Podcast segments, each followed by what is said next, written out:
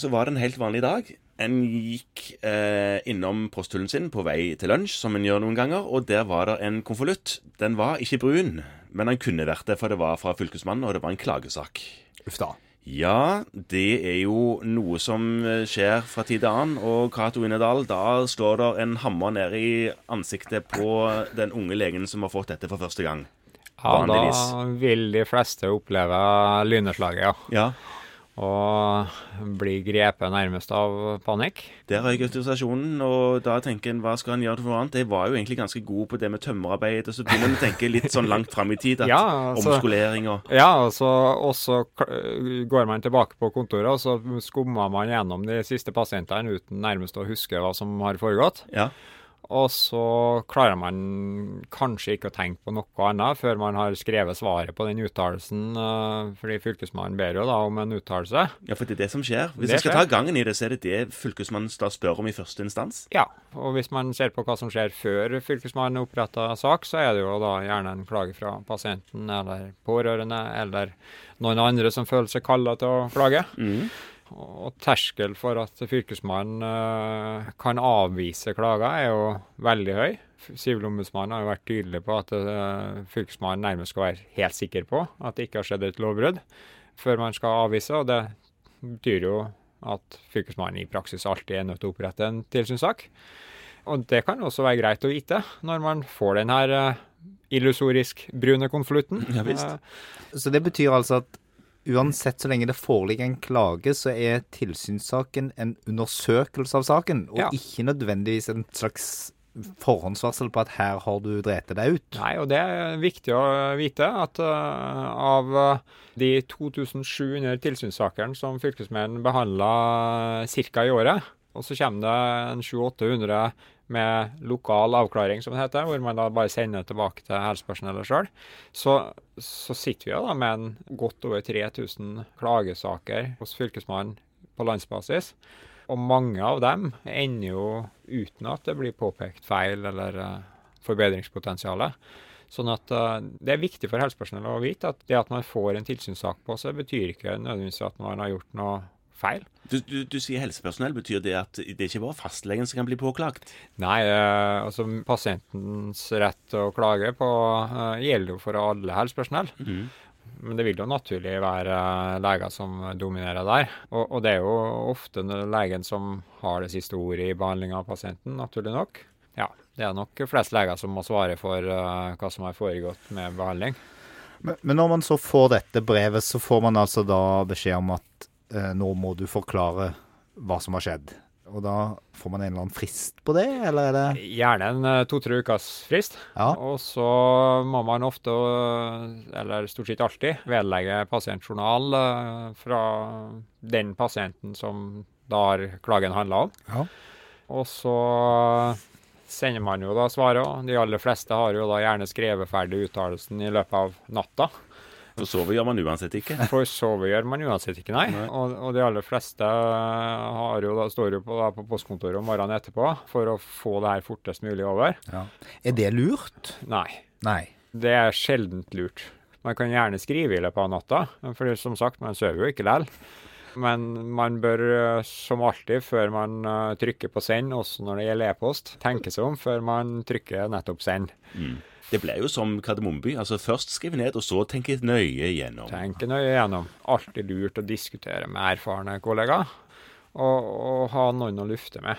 Kanskje en leder som kan uh, veilede litt om hva som faktisk kommer til å skje. Fordi bare det å vite litt om hva prosessen videre er, det gir jo litt uh, det, det er en trygghet i forutsigbarhet òg. Men bare det du sa nå med at det, det, alle som har sett på sport, vet jo at når Ronaldo klager på at uh, dette var galt, så vet vi jo stort sett alltid at hans klage ikke er riktig.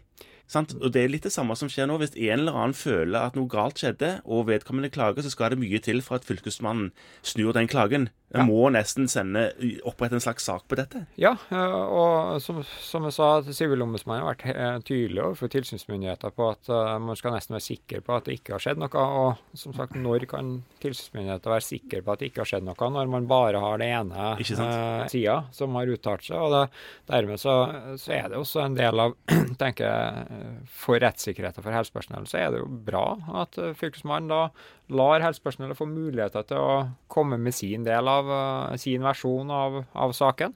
Noen ganger så deler man pasientens oppfatning, andre ganger så gjør man ikke det. Og Nå kommer vi jo inn i en sånn tidsperiode hvor etter at du har sendt dette svaret ditt, etter at du har skrevet ned og diskutert med kolleger og blitt enig med deg sjøl om at dette her er et godt svar, sender du det, og da kan det ta litt tid. Da tar det dessverre litt tid. Hva er litt tid, da? Uh, Fylkesmannen uh, har jo et mål i sitt oppdragsdokument på å behandle ferdige klagesaker innenfor ha en median klagesakstid på fem måneder. Hvilket betyr at det kan trekke ut. Men det betyr ikke på en måte at man altså Nå sover man jo dårlig i denne perioden, det har vi snakket om. Men det er ikke sånn at det blir verre og verre at du ikke har hørt noen ting? Nei, det er nok kanskje heller eh, andre veien. Ja, for det har jeg Fordi hørt. de virkelig alvorlige sakene blir jo prioritert høyt. Ja. Og der tilsynsmyndigheter mener at det er helsepersonell som utgjør en risiko for både den ene og de andre pasienter, så, så må man jo agere fort. Det at uh, en klagesak trekker ut i tid, uh, har nok tilsier i hvert fall ikke at uh, det er en veldig alvorlig klagesak. De alvorligste reaksjonene, der ser man på en måte at da må man prioritere det? det blir, de blir prioritert av ja. tilsynsmyndigheter. Ja. Det blir de. Men da får man et eller annet svar, da. Etter eh, syv og en halv måned, uh, fordi man havner jo over denne medianen.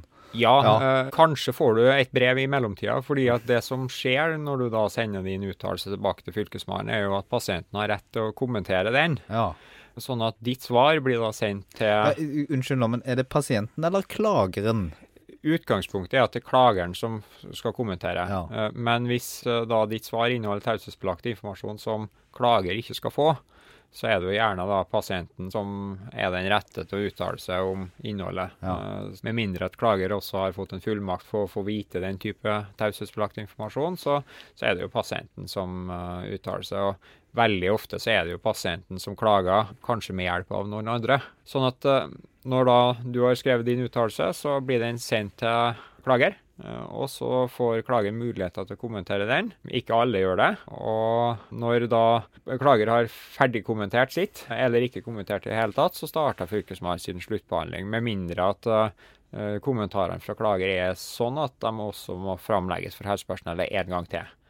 For en ny uttalelse og en ny loop. Men på et eller annet tidspunkt så er jo saken opplyst nok til at Fylkesmannen kan behandle saken. Og da kan det jo gå litt tid før den er avslutta. Og hvis den avsluttes hos Fylkesmannen, så får du et avslutningsbrev.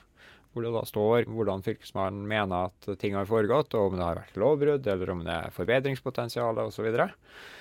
Hvis Fylkesmannen mener at du faktisk har uh, gjort et lovbrudd, og at det også er nødvendig å, av hensyn til pasientsikkerheten å vurdere en administrativ reaksjon mot helsepersonellet, så får du da beskjed om at saken er oversendt til Helsetilsynet.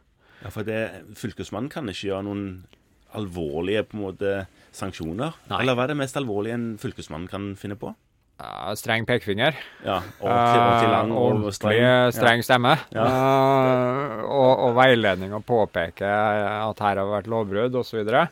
Og, og det kan være mer enn strengt nok uh, for de aller fleste helsepersonell. Helt sikkert. Ja, men, men de sakene hvor Fylkesmannen mener at her må det en administrativ reaksjon til en advarsel eller tap av autorisasjon, tap av retten til å rekvirere vanedannende legemidler osv., så, videre, så er det Helsetilsynet som må på banen. Og Da må de behandle dette på ny? Da starter de på sett og vis på ny, eh, mm. hvor da saken oversendes. Og så får man et nytt brev fra Helsetilsynet, hvor man får da muligheter til å uttale seg eh, en gang til.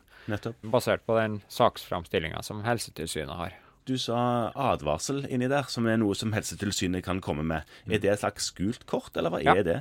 Det er en eh, god beskrivelse. Ja. Eh, det er et gult kort som sier at hvis man gjør det her igjen, eh, gjør den samme feilen en gang til, så vil det kunne komme en annen valør på det kortet. Ja, nettopp. Og det kan jo være tap av retten til å rekvirere legemidler, det kan være tap av autorisasjon, eller begrensning av autorisasjon. Eller eventuelt også tap av spesialistgodkjenning.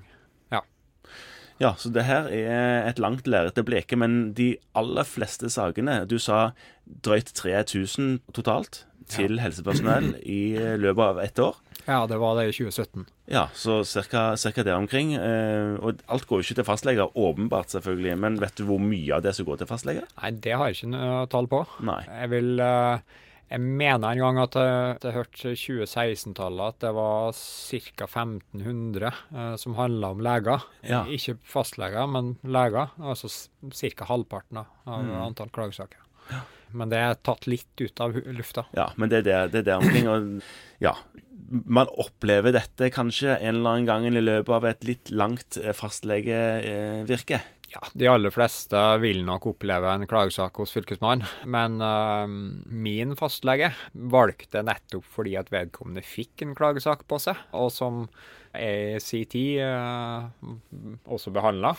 og det var da en klage hvor da fastlegen hadde gjort alt riktig, og også vurdert saken riktig, og svarte Fylkesmannen klart og tydelig hva- han mente var faktum i saken, og tok selvkritikk der det var rom for selvkritikk, og tok heller ikke kritikk der det ikke var rom for det. Og da tenkte jeg den her vil jeg ha uh, som fastlege. Og, og det er litt av poenget, at uh, det å få en klagesak på seg kan også være et resultat av at han har gjort det som faktisk er helt riktig. Fordi ikke alle pasientene skal ha helseattest til førerkort. Ikke alle pasientene skal henvises til MR. Og ikke alle pasientene skal få sin vilje oppfylt. Sånn at uh, vi har en rolle som uh, Altså, leger har en rolle som portvoktere, i særdeleshet uh, fastleger. Og, og den rollen kan noen ganger ende med at uh, pasientsida ikke nødvendigvis er så fornøyd med den uh, portvaktfunksjonen man har, mm. og at det kan resultere i en klage. Så pasienten tenker 'jeg forstår hva du tenker, doktor, men du tenker feil'. Ja, det kan være. Ja. Og så er det ikke feil. Nei, eh, og så kan man og da spørre om man har klart å kommunisere godt nok. Eh, Men, men samtidig så er det jo noen ganger at man blir helt uenig. Ja. Eh, Og at eh, resultatet blir en klage, og at det ikke nødvendigvis er sånn at man da har gjort en feil. Nei. Og så får man da lagt dette dødt, og så går det et år eller to, og så får man en klage til. Går man rett i kjelleren en gang til da, eller hva skjer da? Nei, altså en undersøkelse som Helsetilsynet gjorde for en del år siden, viste jo at dem som får klagesak nummer to, frykta Altså dem som har hatt en klagesak, eh, frykta mindre eh, en ny klagesak enn dem som aldri har hatt en klagesak. Det sier jo litt om at man kanskje, når man har hatt en klagesak, så ser man, kjenner man prosessen. Man har kanskje litt tiltro til at uh, tilsynsmyndigheter håndterer det her på en grundig måte, og at uh, den tilbakemeldinga man får, vil være ja, basert på godt faktagrunnlag og gode avveielser. Mm. Og at man faktisk har lært noe sjøl og blitt en bedre lege etter en sånn en liten runde som det er der. Ja, og så er det nå engang sånn at uh, vi er mennesker, og pasientene er mennesker, og det er et farvann som er, kan uh, borge for både misforståelser og, og feil. Og da er det nå engang sånn at uh, man må håndtere så godt man kan, og så lærer man av det, og så til slutt så er vi blitt uh, gråhåra, erfarne leger som kanskje takler det å gjøre feil på en bedre måte. Og, og er vi ærlige overfor pasientene, så aksepterer også pasientene ofte det. Ikke sant? Så hvordan skal vi oppsummere dette Kristian, med klagesaker? Hvis du Men jeg tenker at det man i hvert fall skal oppsummere, er at etter å ha hørt på Cato en stund nå, så tenker jeg at man skal kanskje prøve å ha litt mindre angst både for den første og den andre klagesaken. Og tenke at det, det betyr ikke nødvendigvis verdens undergang og autorisasjonens bortdrivelse at det kommer en brun konvolutt. Og at hvis man har gjort sitt legearbeid etterrettelig i størst mulig grad, og dokumentert det man har gjort, så står man ofte trygt, selv om konvolutten for fylkesmannen kommer. Ja, Det tror jeg er en god oppsummering.